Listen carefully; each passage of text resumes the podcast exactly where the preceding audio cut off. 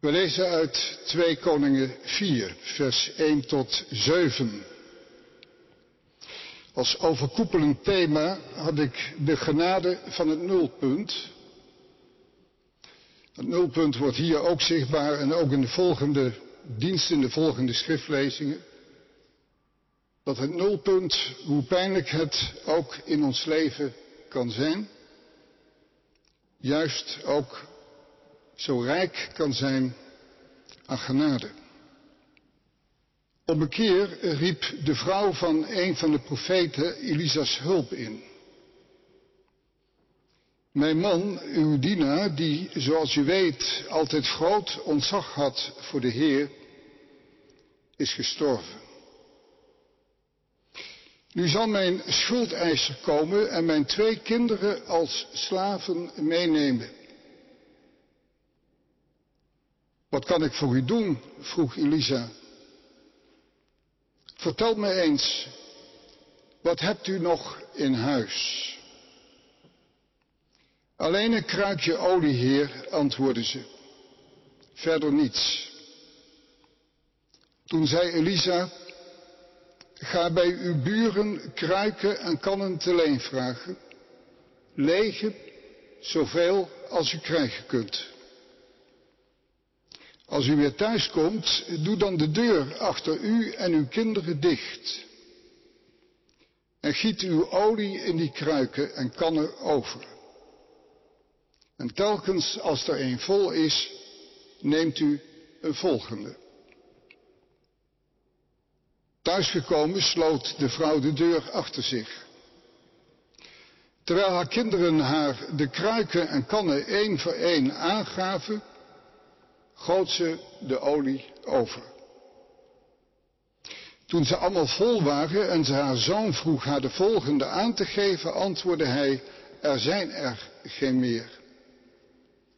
Toen hield de olie op te vloeien. De weduwe ging terug naar de godsman en vertelde hem wat er gebeurd was. Die olie moet u verkopen om uw schuld af te betalen, zei hij. En wat er van overblijft, kunnen u en uw kinderen leven. We lezen verder in het Evangelie van Matthäus, hoofdstuk 6. Hoofdstuk 6, vers 5 tot en met 9. En wanneer jullie bidden, doe dan niet als de huigelaars, die graag in de synagoge en op elke straathoek staan te bidden, zodat iedereen het ziet. Ik verzeker jullie, ze hebben hun loon al ontvangen. Maar als jullie bidden, trek je dan in je huis terug. Sluit de deur en bid tot je vader, die in het verborgene is. En jullie vader, die in het verborgene ziet, die zal je ervoor belonen. Bij het bidden moeten jullie niet eindeloos voortprevelen zoals de heidenen. Die denken dat ze door een overvloed aan woorden verhoord zullen worden. Doe hen niet na. Jullie vader weet immers wat jullie nodig hebben nog voor jullie het hem vragen. Hier eindigt de schriftlezing. Gemeente van onze Heer Jezus Christus. Wij lezen over een profeet. En van die profeet weten wij dat hij behoort tot de school van Elisa. Elisa is zijn Heer en draagt de titel Abba, Vader. De mensen die zich bij hem aansluiten zijn vaak van geringe afkomst. En economisch gezien staan ze onderaan de ladder. En wat hen kenmerkt is een radicaal geloof in Yahweh. Zonder compromissen. Hij volgt Elisa. Van deze profeet weten wij verder eigenlijk niets. We kennen zijn naam niet, de naam van zijn vrouw en zijn kinderen ook niet. We horen voor het eerst van hem en over hem via zijn vrouw. Die zegt, uw knecht, mijn man is gestorven en ge weet zelf dat uw knecht de Heere vreesde. Dat is wat we van hem weten. Hij was Godvrezend. En verder weten we van hem dat toen hij stierf, hij schulden achterliet. En daarmee zitten we midden in een conflict. Het klinkt ook al door in de woorden van die vrouw tegenover de profeet. Uw knecht, mijn man, is gestorven. Als u de nieuwe vertaling leest, die hebben wij gelezen, daar staat het andersom. Daar staat uw man, of mijn man, uw knecht is gestorven. Terwijl in de grondtekst toch echt staat, die andere volgorde, uw knecht, mijn man.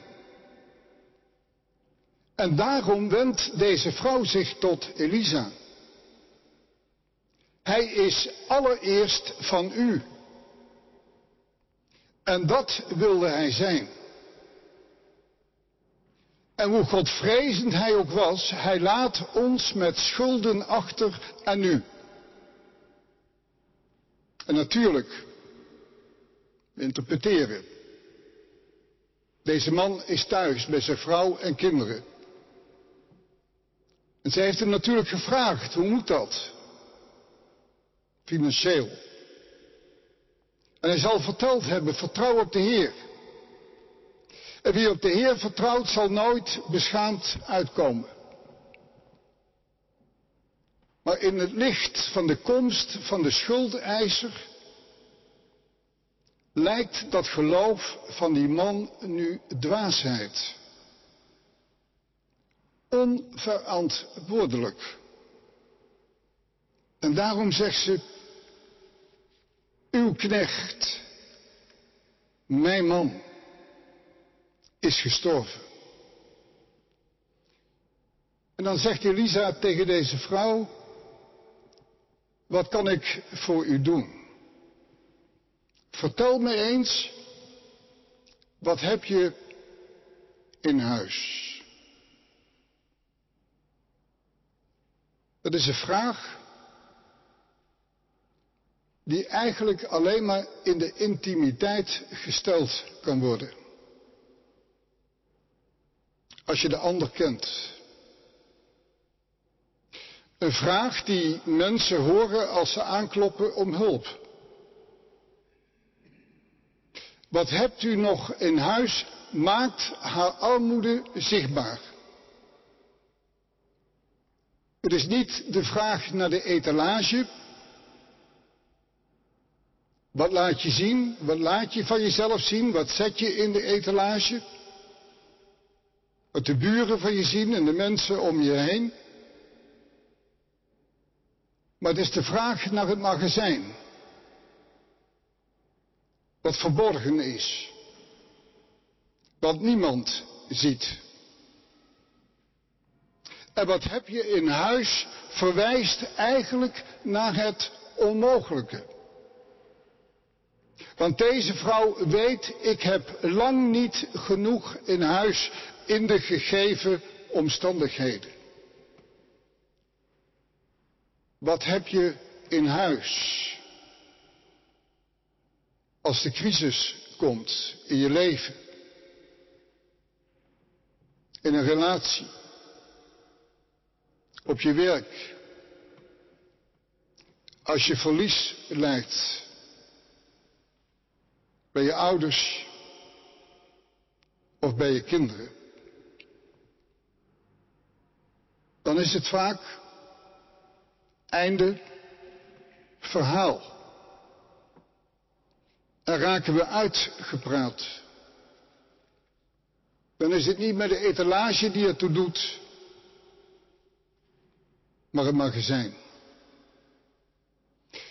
Maar deze geschiedenis leert ons dat juist de plaats waar wij niets meer in huis hebben, ons mogelijkheden geeft. En de diepste mogelijkheid is om God in ons leven aan het werk te laten. Als gij bidt, zegt Jezus, ga in in het verborgene. Daar waar niemand ons ziet, ons hoort en ons kent. Ga in in de leegte die door een crisis in je leven kan ontstaan.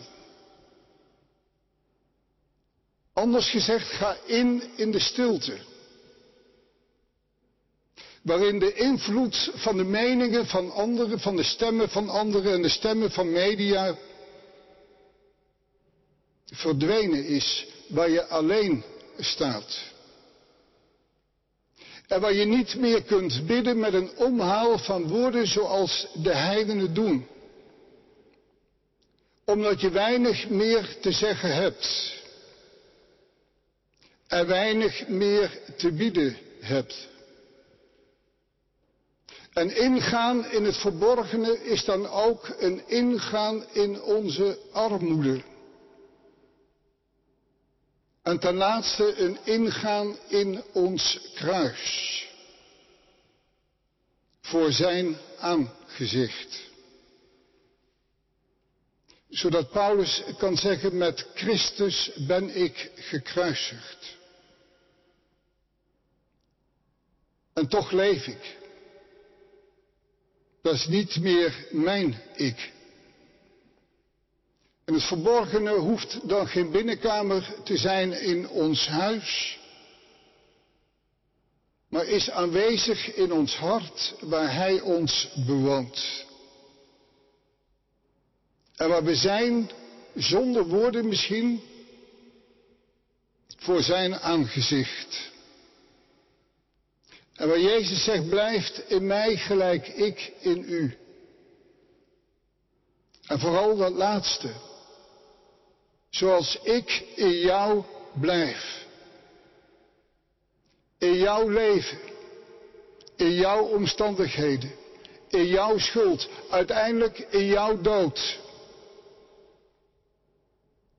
En blijf in mij.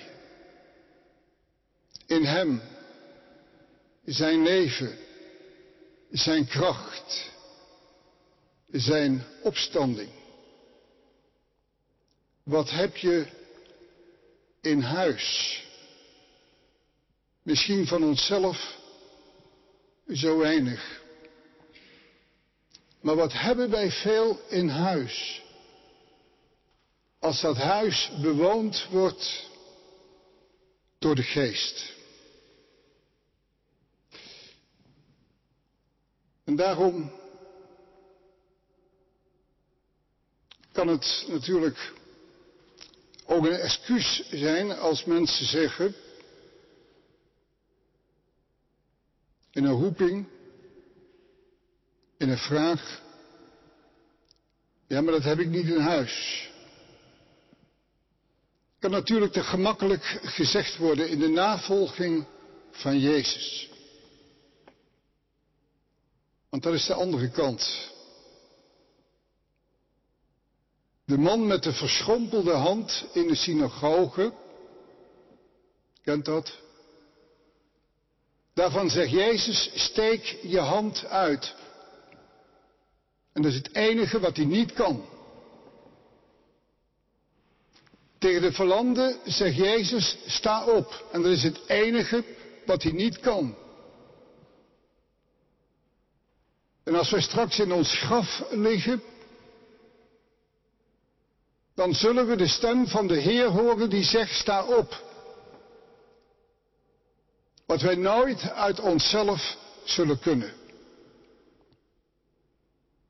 En daarom wil God een God zijn voor mensen in wie Hij zijn werk kan voltooien. En de vraag, wat heb je in huis, neemt het gebrek in ons leven niet weg. Het blijft, maar hij maakt het zichtbaar. Als deze vrouw een stevige rekening gehad had, zou ze nooit bij hem zijn uitgekomen. En we denken, als we nou die en die gaven hadden, ja dan. Of als het nu zo gelopen was in ons leven. Of als dit anders gegaan was dan. Maar het gaat niet om onze rijkdom. Maar het gaat om onze armoede. In het hoge en het verhevene woon ik. En bij de verbrijzelde van hart. Het gaat niet om onze kracht, maar juist om onze zwakheid. Wat zwak is, heb ik uitverkoren om wat sterk is te beschermen. Opdat geen mens zal roemen voor God. En een van die mensen is de apostel Paulus. En Paulus is een mens die ontzaglijk veel geleden heeft.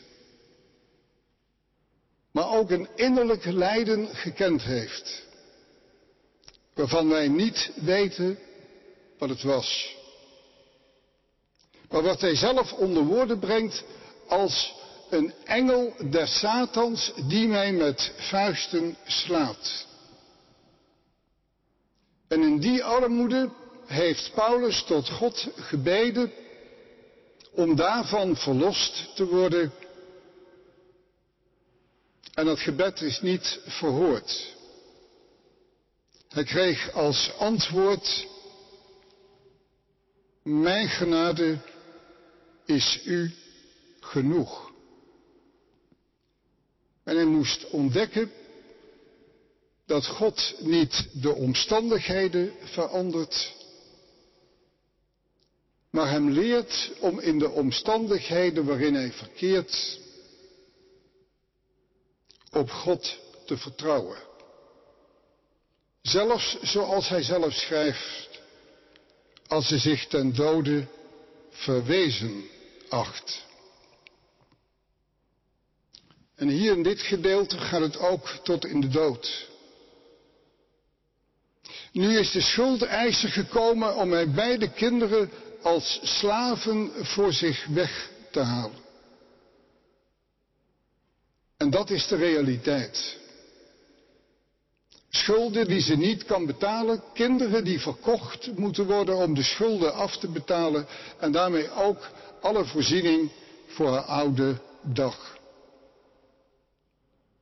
Niets kwetsbaarders dan de weduwe, aangewezen op genade en barmhartigheid. De weduwe gestalte ook van de kerk. Maar de schuldeiser kent geen genade. Want de wereld leeft niet van genade en zet de schulden zwart op wit. En maakt ze via de media zo groot mogelijk. Vertel mij wat hebt gij in huis? En zij antwoordde, uw dienstmaagd heeft niets in huis behalve een kruikje olie. Eigenlijk een heel klein flesje parfum, dat is alles. Een herinnering aan haar man. Meer heeft ze niet. Een klein beetje geest. Een klein beetje gebed. Een klein beetje geloof. Maar wat is dat in vergelijking met wat zich kan aandienen in ons leven? En toen zei Elisa, ga bij uw buren kruiken en kan het alleen vragen, lege, zoveel als u er krijgen kunt. En als ik de vergelijking door mag trekken,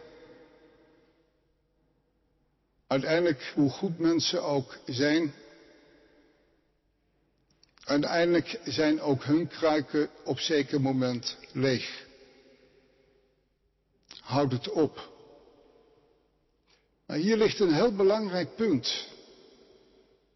Hier moet zij in de navolging van haar man. Ga heen. En vraag uw buren kruiken en kannen. Ze moet zichtbaar maken op wie ze vertrouwt, in wie ze gelooft en op wie ze hoopt. En ze loopt natuurlijk het geweldig risico dat ze zichzelf belachelijk zal maken. Wij staan achter het verhaal. Maar ons levensverhaal, daar staan we middenin, daar staan we ook voor. En dan gaat het erom om te horen, te geloven, te vertrouwen, om het met het woord te wagen. Vijf broden, twee vissen, breng ze me hier. Het is niets, te weinig in huis voor zo, zoveel mensen. De lege vaten volgende week, bruiloft van Cana. Ze zijn leeg. Het is niets. Maar doe wat hij u zegt, zegt Maria. En al deze mensen en ook deze vrouw moet zich overgeven aan het woord. Dat is dat moment van, van die sprong. Het waarstuk. Het zelf niet meer onder controle hebben. Maar op uw woord, o leven van ons leven, werpen wij het doodskleed af, zingen wij met Pasen zijn woord vertrouwen. Hij geeft haar geen olie, maar hij geeft haar een woord. En ze wordt er zelf bij betrokken om er iets aan te doen. Het gaat niet buiten haar om. Het wonder is geen mirakel dat uit de hemel komt vallen. Maar ze wordt erbij betrokken. Het wonder schakelt ons niet uit, maar schakelt ons in. En geloof schakelt mensen in. En brengt ze in het verborgene. In het innerlijk. Diep in ons hart, waarvoor het aangezicht van de Heer de beslissing valt. Niet voor het oog van mensen. Niet de etalage. Niet onze woorden naar buiten. Maar voor het oog van Hem. Durven onze armoede als kans te gebruiken, zodat God God kan zijn in ons leven. Als u weer thuis komt, ga dan naar binnen. Sluit de deur achter u en uw zonen. En dat is de confrontatie. En daar kunnen we niet voor weglopen. En daar willen we vaak voor weglopen. Maar om stil te zijn voor het aangezicht van God. Op Hem te zien. En op de gekruisigde Christus te zien. En ons leven aan Hem te geven en op Hem te vertrouwen.